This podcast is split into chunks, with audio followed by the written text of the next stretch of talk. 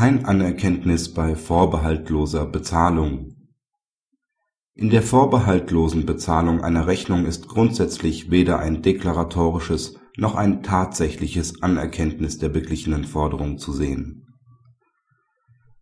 Der Kläger kaufte am 4.4.2005 beim Beklagten einen gebrauchten Pkw.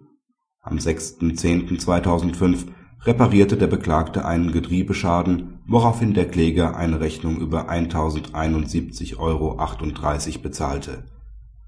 Diesen Betrag forderte er mit dem Hinweis, es habe sich um einen kostenlosen Gewährleistungsfall gehandelt, zurück. Der BgH gab dem Kläger Recht.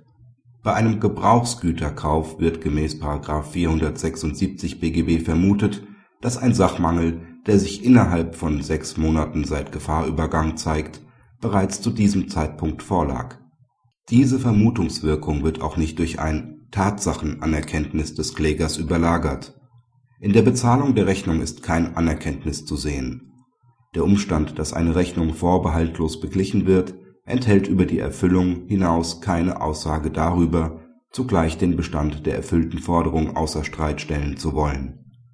Dies kann zwar so sein setzt dann aber voraus, dass über die bloße Zahlung hinaus weitere Umstände vorliegen, die eine derartige Wertung tragen, zum Beispiel wenn bereits Streit oder zumindest eine Ungewissheit über den Bestand des Rechtsverhältnisses oder seine Rechtsfolgen insgesamt oder in einzelnen Beziehungen besteht.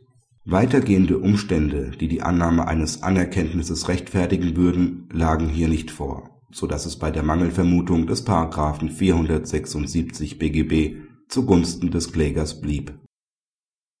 Praxishinweis Tatrichterliche Wertungen, um solche handelt es sich bei der Bewertung der Zahlung, sind revisionsrechtlich nur eingeschränkt überprüfbar.